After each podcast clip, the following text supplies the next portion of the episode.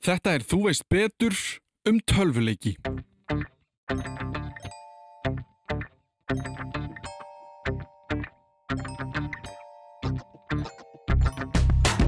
Þannig að það er, er sko gríðalegu fjöldi í tölvuleikum sem bara búa til í raun og veru hvernig einastu hlut sem hún sér.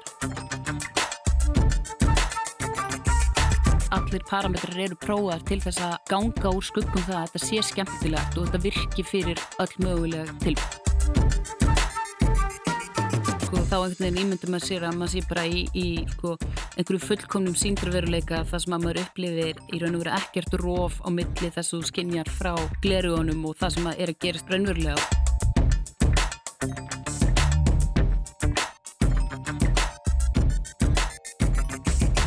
Tölvuleikir eru allt í kringum okkur og hafa verið í dágóða stund. En þróunin síðustu ár hefur gert að verkum að fleiri hafa aðgangað tölvuleikjum hvort sem það er í símanum, tölvunni eða sérstökum leikja tölvum. Tölvuleikja bransin hefur tekið fram úr kvikmyndaeðnaðinum hvað var þar tekjur og stærðagráðu. Það eru mun fleiri í heiminum sem spila League of Legends en golf og 2000 áhörunda fylla íþróttahallir til að horfa á fólk keppa í einum ymsu leikjum. En hvað þarf til að búa til tölvuleik? Hvernig eru þeir gerðir og hver er framtíðira? Ég fekk til mín Sigurlínu Valgerði Ingolstóttur til að útskýra málið fyrir okkur en hún hefur verið í bransunum lengi og þekkir allar hliðar málsins. Við byrjum eins og áður á að hún kynni sig sjálf. Ég heiti Sigurlína Valgerður Ingvarstóttir, alltaf köllu Lína og ég hef unnið sem tölvuleikja framlegandi undan farin 15 ár. Nú er ég að vinna hjá nýju bandrisku fyrirtæki sem heitir Bonfire Studios sem er í söður Kaliforníu en þar áður var ég að vinna hjá Electronic Arts í mörg ár meðal annars á FIFA sem margir íslendar kannast við og aðleiknum Star Wars Battlefront og áður en ég gerði það var ég að vinna hjá CCP í mörg ár við EVE Online og aðra leiki.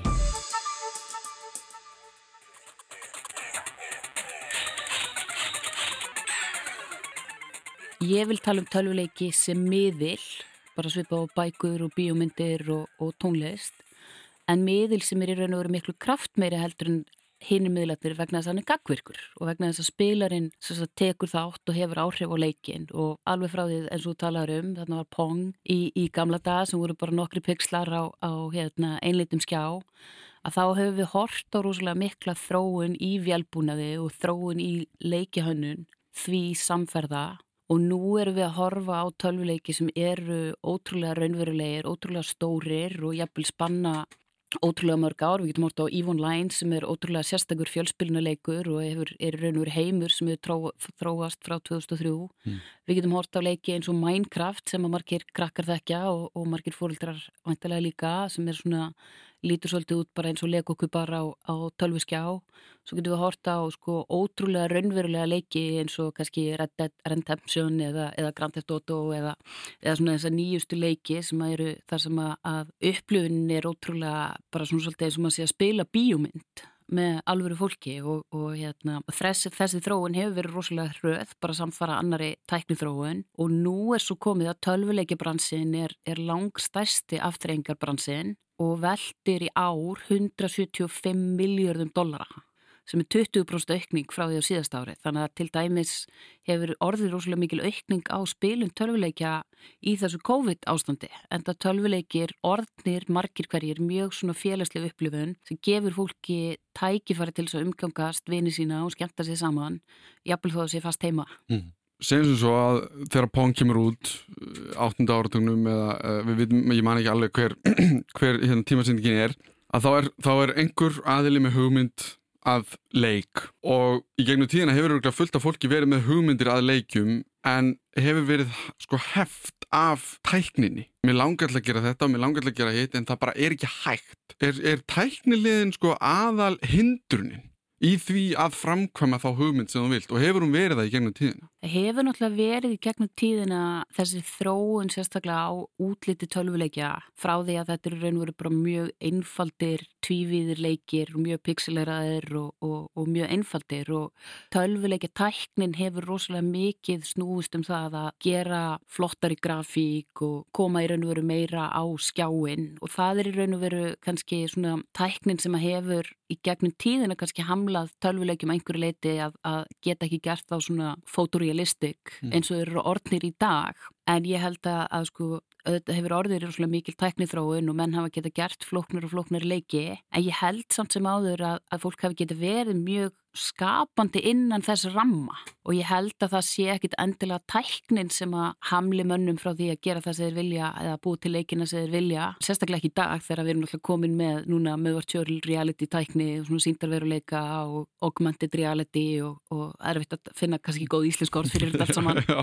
En nú er náttúrulega við komin svo ótrúlega langt í tækninni bæði hvað var það grafík og hvað var það alls konar svona hermun erum fann að geta gert rúslega raunverulega hluti. Það sem að maður verður að taka fram er að, að það er kannski ekki aðalega útlitið, útlit tölvuleikin sem skiptir máli upp og upplöfun notanda. Því við sjáum til dæmis í dag að leikir eins og Minecraft og leikir eins og Roblox sem eru kannski ekki sérstaklega svona vel útlítandi hafa náð gríðalegri hilli einmitt vegna þess að þeir sko leifa notandanum að vera svo skapandi í leiknum. Þannig að það sem að fólk er að sækjast eftir í tölvuleikum er kannski ekki endilega einhver svona raunverulega eftirmynd af veruleikanum heldur er meira að leita af tækifærin til þess að geta verið skapandi og til þess að geta gert hluti sem þú getur ekki í raunveruleikan. Ja, Töluleikispilun fer sko síðan eiginlega í nokkrar áttir hafa þú alltaf komið leikjatölur og síðan þú komið pjessitölur og síðan þú komið sko Gameboy Þannig að það fer að vera svona kemar út um allt það sem að tölvuleikur er ekki bara tölvuleikur, hann þarf að vera tölvuleikur fyrir eitthvað ákveðið,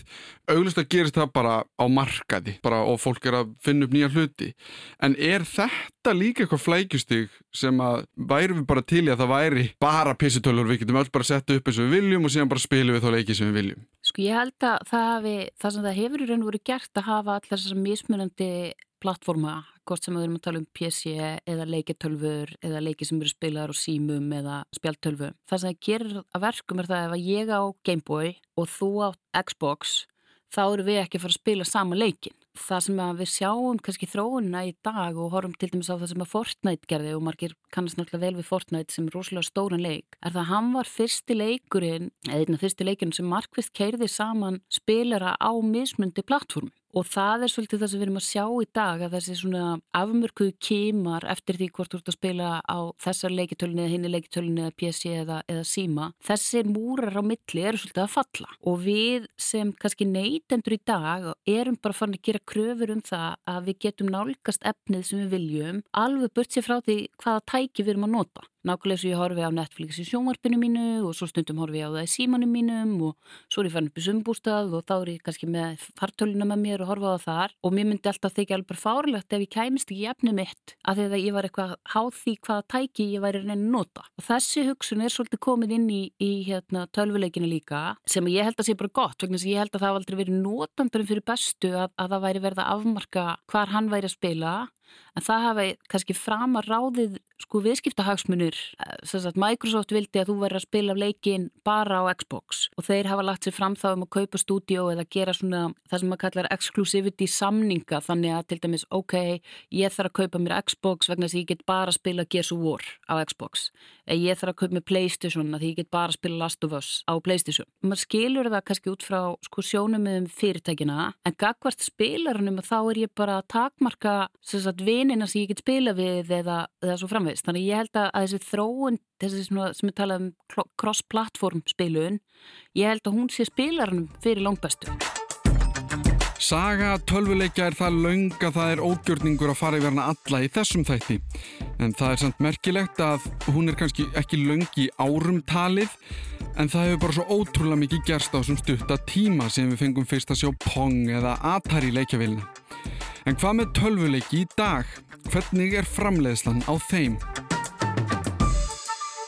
Það sem er svo skemmtilegt í dag er að sko ef við höldum áfram með samlíkinguna um tölvuleikin sem miðil að ef þú kannski verður að horfa til dæmis á kvikmyndir, þá getur þú að horfa á þú veist svona Hollywood stórmyndir eins og Marvel myndirnar og, og hérna sem svona dæmi um kannski mest ekstrem framleysluna hvað varðar stærð og kostnað og lengt framleyslu tíma og svo getur þú að horfa á bara eitthvað frá því að vera þú veist, þú getur tekið þessna upp mynd bara á iPhone síman þinn og upplótaðinni á, á YouTube og fólk getur komist í hann og, og tölvuleikir raun og veru eru áallum sem skala, allt frá því að vera eitthvað sem að bara grunnþekkingu á að nota tölvuleikja gerðarvél og Unity er til dæmis dæmið um þannig vél sem er mjög miðuð að því að einstaklingar geti sjálfur búið til leiki. Þannig að það er til dæmis dæmi um leiki sem að kannski bara einn tölvuleikjar gerðan mannskja hefur gert. Og svo ertu komin með tölvuleiki til dæmis eins og Star Wars Battlefront sem að ég var að gera hjá DICE. Þess að þú ert með 20 eða jæfnvel 100 manns, jæfnvel í mörgum löndum að vinna í kannski 2-3 ár að því að búa til leik. Þannig að það ertu með sko ótrúlega mörg ársverk að baki. Og það er ekki einu svona stæstu leikirnir að því að svo getur að horta leikin svo Grand Theft Auto sem er einn af allra stæstu tölvuleikjum í heimi. Og þá ertu að tala um nokkur hundru manns í nokkur ár að búa til leikin.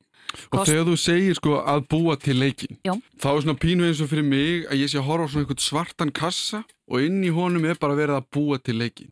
Erum við að tala um bara að bókstæla að forrita leikin eða hvað? Við erum að tala um ótrúlega fjölbreytt störf uh, sem að koma að því að búa til leiki. Þú ert í raun og verið með. Ég held þegar ég byrjaði í, í töluleikibransunum 2006. Þá held ég að þeir sem byggjur til tölvuleiki væri annars vegar forritarar og hins vegar einhverju listamenn. En svo komst ég að því að, að það eru sko að baki hverjum leik eru ótrúlega margt fólk og ótrúlega fjölbreytt störf og það eru leikjahönnuðir sem að til dæmis búa til sko kerfin og reglurnar í leiknum. Og þeir eru af ýmsum gerðum, sumir eru kannski fókusera meira á það sem er kallað sko narrativ í leiknum þar að segja skrifa söguna og búa til heiminn. Og þú veist heimurinn þarf að vera það þarf að vera einhver lókik í honum og það þarf að vera einhver náttúrlögmál. Og heimurinn ég sem spilari þegar ég er í einhverjum tölvuleik annarkvært er ég að spila í einhverjum, einhverjum eftirmynda raunveruleikanum eða einhverjum fantasíu heimi eða einhverjum vísindaskáldsagna heimi en heimurinn þarf að, hann þarf að vera lókiskur fyrir spilaran, þannig það, er, það getur verið sko heil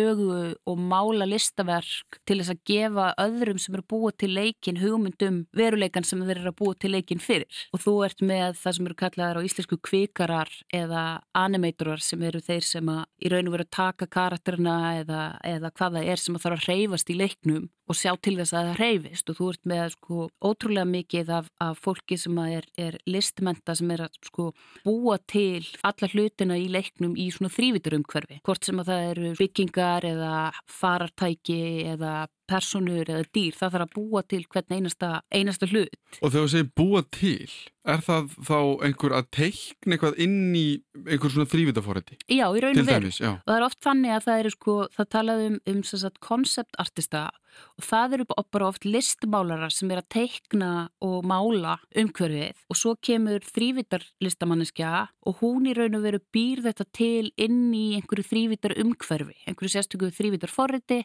það sem hún býr til í raun og veru hvort sem að það er kaffibótli eða, eða hestur eða, eða hvað það er sem er í leiknum. Þannig að það er, er sko gríðalegu fjöldi í töluleikum sem bara búa til í raun og veru hvern einasta hlut sem hún sér. Og síðan er það forriðarar sem að skrifa sko kerfin, hvort sem að það er, er sko bakjandi eða frammendi eða viðmóti. Það eru viðmótshannir sem er að búa til allt sko, allt viðmóti sem spilar hann þarf til þess að hann getur gert það sem hann ætlar að gera í leiknum. Um, það eru tónskáld og tónlistamenn sem búa til hérna, umhverju. Það eru leikarar oft sem að leika karakterina sem eru síðan endurskapaðar í þrývit Það er markasfólk, það eru lögfræðingar, það eru hagfræðingar sem stútur að hvernig hagkerfi heimann að virka. Það eru, sagt, veru, já, fólki sem setur upp og rekur serverana fyrir, leik, fyrir leikina og sérum að það séu í gangi. Það er fólki sem fylgist með hvernig leikja heimurinn þróast og tekur endurgjöf frá spilunum sem kannski kemur inn í að þeim margi leikir í dag eru í gamla dag var þannig að leikur var gefin út í boksi og svo fór leikateimið að búa til næsta leik sem kom út kannski árið setna eða tveimur árið setna. Nú eru þannig með mjög marga leiki, eða flesta leiki að þeir eru það sem er kallað bara stöðu vaksandi þjónusta, að tala um live service og ennsku þannig að leikurinn heldur áfram að þróast. Ívon Læn er alveg frábært dæmi um leik sem stöð, var fyrst í þróun í mörgar á hann að koma út og hefur síðan verið í stöðuri þróun síðan þá. Þetta getur verið gríðarlega flókið. Yfirleitt ertu samt að tala um sko, þú þarfst að vera með forundra og þú þarfst að vera með listamenn og þú þarfst að vera með leikjahönnu og þú þarfst að vera með þessa kvikara og þeir eru kannski bara í mismunandi hlutföllum eftir í hvernig leikur verða búa til. En svo því starri og, og, og meiri sem leikurinn er því sko flóknara teimi þarf til að búa til. Og aftur kannski gott að horfa bara á kvikmyndina sem svona kannski ákveðna samlíkingu. Mm. Af því að við notum bara FIFA sem dæmi uh, þarfum með 11 leikmenn inn á vellinum uh, þú ert komið gerfigreind líka inn í þetta, hvernig er hún að haga sér. Erum við komin á þann stað að geta sett upp kerfi eins og í FIFA, það er náttúrulega búið að búa bakendan hvernig virkar gerfigrindin, hvernig er hún að haga sér? Og síðan ertu kannski bara með svona, svona stiku og þú segir bara að ég ætla að hafa hana aðeins meira svona og aðeins minna svona. Og þá er eitthvað svona risastórt kerfi að hæða sér. Eða ertu, ég kannski alveg pæli þú veist, með bolta og þú þarfst að ákvarða svo ótrúlega margar breytur út frá þessum bolta, hvernig boltin haga sér, í hvernig veðran er hvernig sparkaði hann, hvernig snýr leikmaðurinn þegar það sparkaði hann verður þetta allt svona eitthvað sem getur sett inn í vél sem sér bara um þetta eða þarf að hugsa út í allar þessar breytur bara hverja fyrir sig? Þannig er þetta að tala um það sem við köllum hérna svona eðlisfræði hermun eða svona physics simulation. Og það til dæmis í, í FIFA leikjanum að þá ertu núna komið svo langt að þegar þú ert að spila einhvern leik að það er mismundi veður. Veist, það getur verið sól eða það getur verið regning eða það getur verið vindur. Og allir þessir þættir er í raun og veru eiga hafa áhrif á leikin e, það sem að, að fólk yfirlega að hugsa um er það er sérst, annars vegar, þú vil gera leikin eins raunverulegan og hægt eðar en hins vegar vilt hans í skemmtilegur listin er kannski að koma þessum steikum sem þú ert að tala um fyrir þannig að þér finnist að öðruvís að spila í regningu eða sól.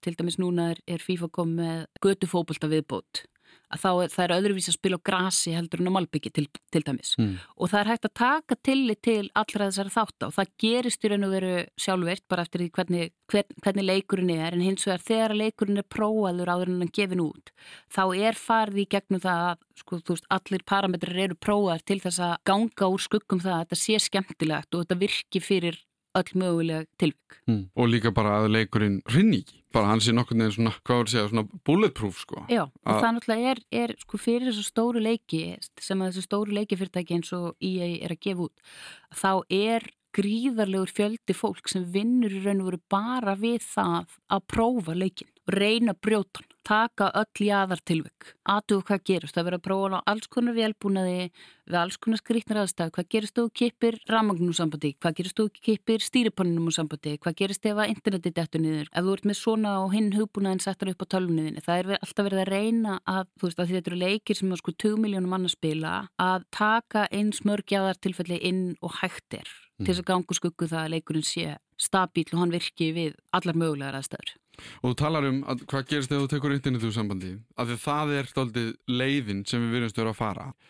Og fólk hefur mismandi skoðanir á þessu. Sumir eins og talar um aðan eða sum vilja þetta gamla það sem leikur kom út og þú spilaði því gegnum eitthvað sögurþráð hvernig sem hann var langur stuttur, stór eða lítill og sumum finnst mjög skemmtilegt að geta einmitt, spila þetta félagslega spila hérna FIFA eða hvað sem þú vilt við viðvinn hinum en á nettunum. En þessi þróun hefur samt kosti og galla af því að þetta eru orðin svona ótrúlega stórir og veist, þeir eru dýrileikir að búa til og það er rosalega mikil peningur að koma inn líka. Og það er þessi microtransactions sem ég held að sé ekki til íslenskt orð yfir. Þú, þú getur leirið mjög að þú mannst eftir því. Mann er ekki eftir góða orði fyrir, fyrir microtransaction? En fólk þekkir þetta ekki um símaleiki mjög vel. En þetta, það er komin svona kerfi, innri kerfi í sumaleiki og þessi þróun. Hvað finnst okkur um hana? Sko það er alltaf rosa stór spurning, ég ætla kannski að þess að byrja á þessu með leiki sem eru alltaf online mm -hmm. og sem eru í dag þessi stóri leikir og, og þessi stóri leikirplattform miðast rosalega mikið við það að fólk sé almennt með gott internet aðgengi. Og eins og þegar ég var að vinna á FIFA þá kom í ljós sem að komið svolítið óvart að það er til dæmis sko, stóri spilarhópar í Söður Ameríku til dæmis sem að spila ennþá FIFA kannski á sko, ekki eins og Playstation 4 heldur Playstation 3 það er ekki langt síðan, ég veit ekki hvort það er ennþá verið að gefa út á sko gömluleikitólknuðar en þanga til fyrir mjög stöttu síðan var ennþá verið að gefa út leikin á Playstation 3 og, og gamla Xboxið vegna þess að þar varstu bara með stóran spilarhóp sem að hafði ekki fjármang til að kaupa sér nýjan, nýjan tækubjónuð og jafnvel ekki internettengingu og það þurft að passa upp á það að vera ekki að skilja þennan hóp eftir. Hann kannski fer mingandi eftir því sem að nettenging verður, verður viðtakari en ég held að sko fyrir okkur á Íslandi og kannski í, í Svíþjóðu bandarkinu þá er svolítið erfitt að hugsa um það að það séu kannski bara stórir hópar fólk sem hefur ekki stöðu og internettengingu Þannig að maður þarf svolítið að passa sig á því að vera kannski ekki að keira alla þróun þannig að hún skilji þá eftir sem ekki eru hafa frábært tengingu. Varðandi þessar smágreðslur eða, eða microtransactions og svona hvernig leikir er að þróast í dag. Þá náttúrulega var business modelið fyrir tölvuleiki þannig að þú fóst og keiftir leik og hann kostaði 50-60 dollara og þú keiftir hann í tölvuleiki búð og borgaður fyrir hann og, og fjagst boks og svo fórstu heim og þú spilaðir þannan leik í boksinu. Svo fór það að gerast að nettengingar urðu, urðu algengari og tölvuleiki framleiðendur áttuðu sig á því að, að kannski leikunum kom út og þó það væri búið að prófa hann rosalega vel þá er, veist, þá er ekki hægt að, að sko líka því saman annars vegar þegar þú veist kannski með 200 manns vinna við það að prófa tölvuleik versus það að leikunum kemur út og nú eru 10 miljón manns að spila hann eins og í tilfelli stæstuleikina. Þá kemur í ljós að það er kannski alls konar hérna, einhverju villur eða gallar á leiknum og þá fórum henn að, að laga þessar villur eða galla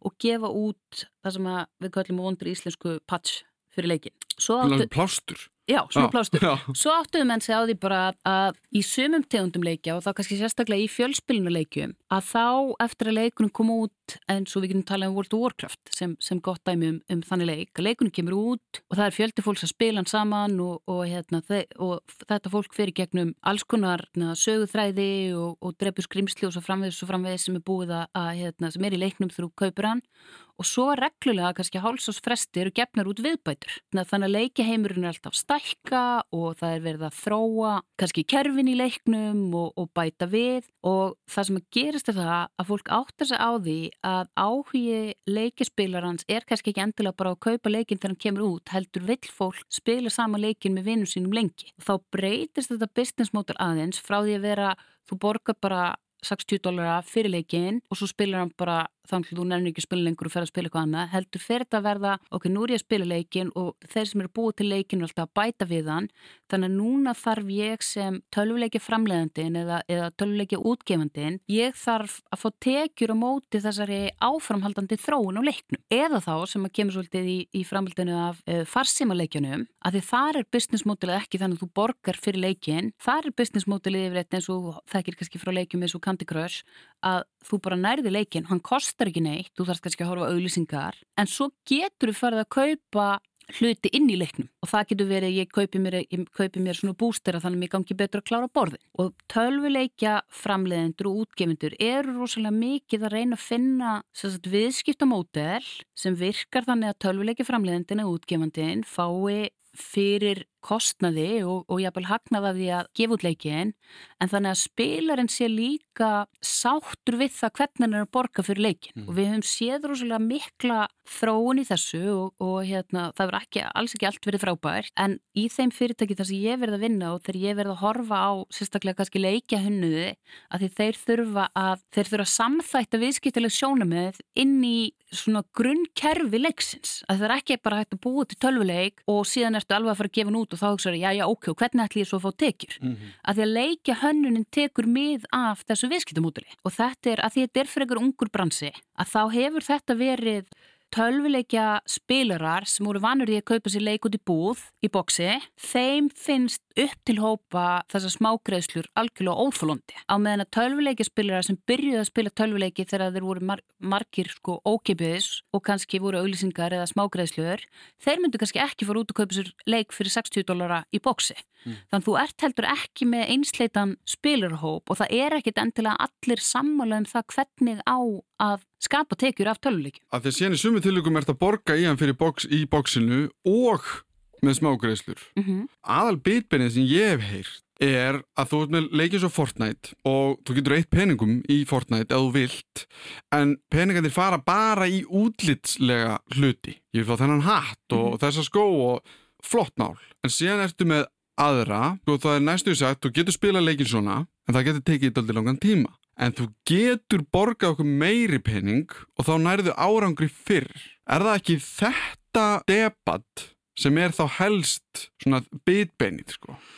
Jú og þetta er í raun og veru, það sem við talaðum þarna er oft sko uh, það sem við kallum cosmetics eða bara svona útlits breytingar eins og þú veist að tala um í Fortnite. Þar sem að, að þú ert ekkit betri í leiknum þó þú sért með blátt hár og í John Wick búningi. Þa, það er fyrirbæri sem er kallað peacocking að hérna hafa sér svo páfugl og það í raun og veru er ég vil geta sínt mína persónu eða minn persónleika í gegnum tölvuleikin út frá því hvaða hluti ég á. Mm -hmm. Bara og... breytt úr fjöðrunum. Já, breytt úr fjöðrunum og það eru mjög margir sem að það sem þetta skiptir ekki neinumáli og þú veist, þeir spila bara leikin og borga ekki neitt og taka ekki þátt í þessu. Svo eru aðrir, það sem þetta skiptir miklu máli, þeir eru jafnvel til í að borga talsverður upphæður fyrir eitthvað sérstætt útlitt sem er líka oft, kannski það er bara hægt að kaupa þetta, þennan búning á þessum tíma eða þá þú þurftir að taka þátt í einhverju viðburði í leiknum þannig að, að útlitt þitt er sko, það er sögulega merkingu í leiknum og það eru þeir sem að spila leikin og skilja leikin sem átt að segja á mununum á því ef þú ert í hvort þú ert í sko blábúningnum eða rauðbúningnum, það segir ákveðið um þig. Svo er þetta líka oft tengt við framgangi leiknum. Þannig að þú getur fengið eitthvað ákveð útlitt en bara ef að þú hefur náð einhverjum ákveðnum árangri og þá er ég alltaf inn fann að sína ég borgaði ekki fyrir þennan búning, þetta er ekki bara eitthvað sem ég gæti fengið að því ég borgaði pening heldur, ég get bara verið í þessum búninga því ég er svo góð í leiknum. Þannig að þetta hefur sko, þetta er ótrúlega merkingar þrungið, rosalega áhugavert að spá þessu, en almennt séð eru tölvuleikja spilarar rosalega lítið hrifnir af því sem er kallað pay to win. Mm. Það er að segja ég borga fyrir að verða betri og það er, er að því að leikir í dag eru, eru það talað um sagt, svona keppnispilun eða competitive gaming og, og það eru raf íþróttafélög hafa sprottið upp. Það sem að menn eru að spila,